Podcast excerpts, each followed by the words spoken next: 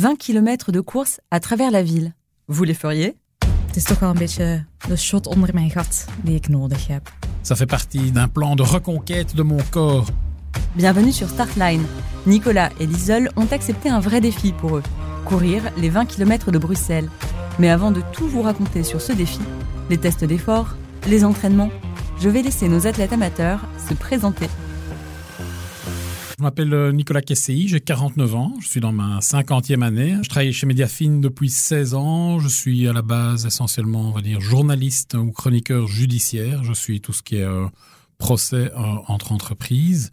Depuis peu, à mon grand étonnement, j'ai accepté de devenir ambassadeur pour euh, Mediafine pour courir les 20 km de Bruxelles.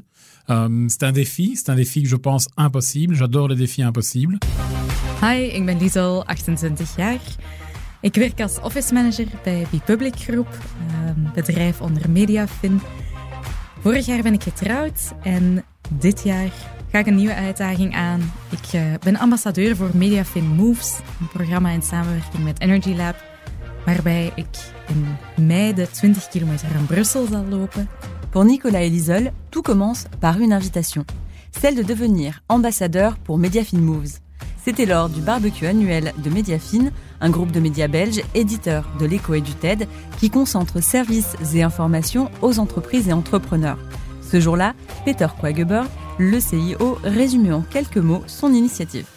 Mais pour moi, euh, Mediafin Move, c'est une occasion pour les gens de sortir euh, de leur euh, fauteuil. Bon, en fait, c'est un peu plus long que ça. Mediafin Move, c'est un partenariat qu'on fait avec Energy Lab, qui prépare en fait 15 ambassadeurs pour les 20 km de Bruxelles d'un côté, et de l'autre côté, prépare la direction pour faire en vélo les 1000 km euh, contre le cancer. La deuxième chose, c'est que tout le personnel, aussi bien la rédaction que IT, que Trust Media, que le marketing, que les sales, peuvent participer à des challenges, faire du vélo, etc.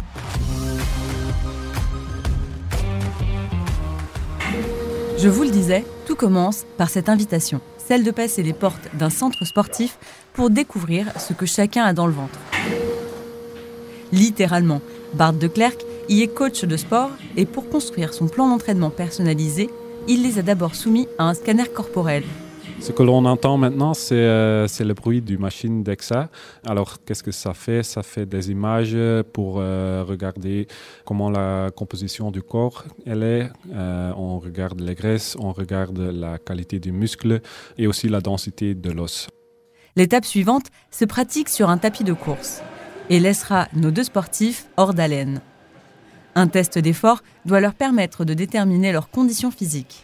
Toutes les 5 minutes, Bart augmente la vitesse de course et réalise une petite prise de sang au niveau de l'oreille. Ce qu'il veut savoir, c'est la concentration d'acide lactique dans leur sang. L'acide lactique est produite par le corps lors d'un effort intense, lorsque les cellules ont besoin de plus d'oxygène. On regarde l'acide lactique parce que du moment que ça commence à augmenter, ça veut dire que le corps commence à utiliser un système de plus en plus en aérobique. Et on va aussi regarder les fréquences cardiaques. Et là, on peut dire si la condition base est déjà bien ou encore du travail pour faire ça mieux. Et on peut donner des conseils si c'est mieux de courir un peu plus lentement ou un peu plus vite, par exemple. Ça dépend un peu. Si le coach leur fournit un programme structuré, s'il leur dit quand et comment sortir les baskets, les coureurs sont seuls pour s'entraîner.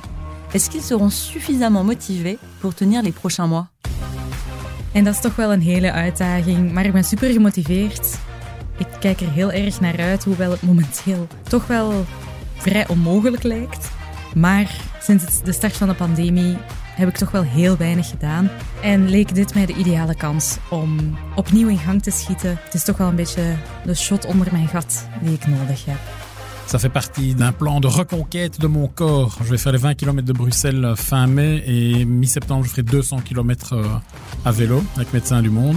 Et en décembre, je fêterai mes 50 ans et après, j'arrête. Motivés, oui, ils le sont. Et dans le prochain épisode, ils partageront avec nous les résultats de leur body scan et de leurs tests. Soyez au rendez-vous, Nicolas nous révélera même combien pèsent ses os.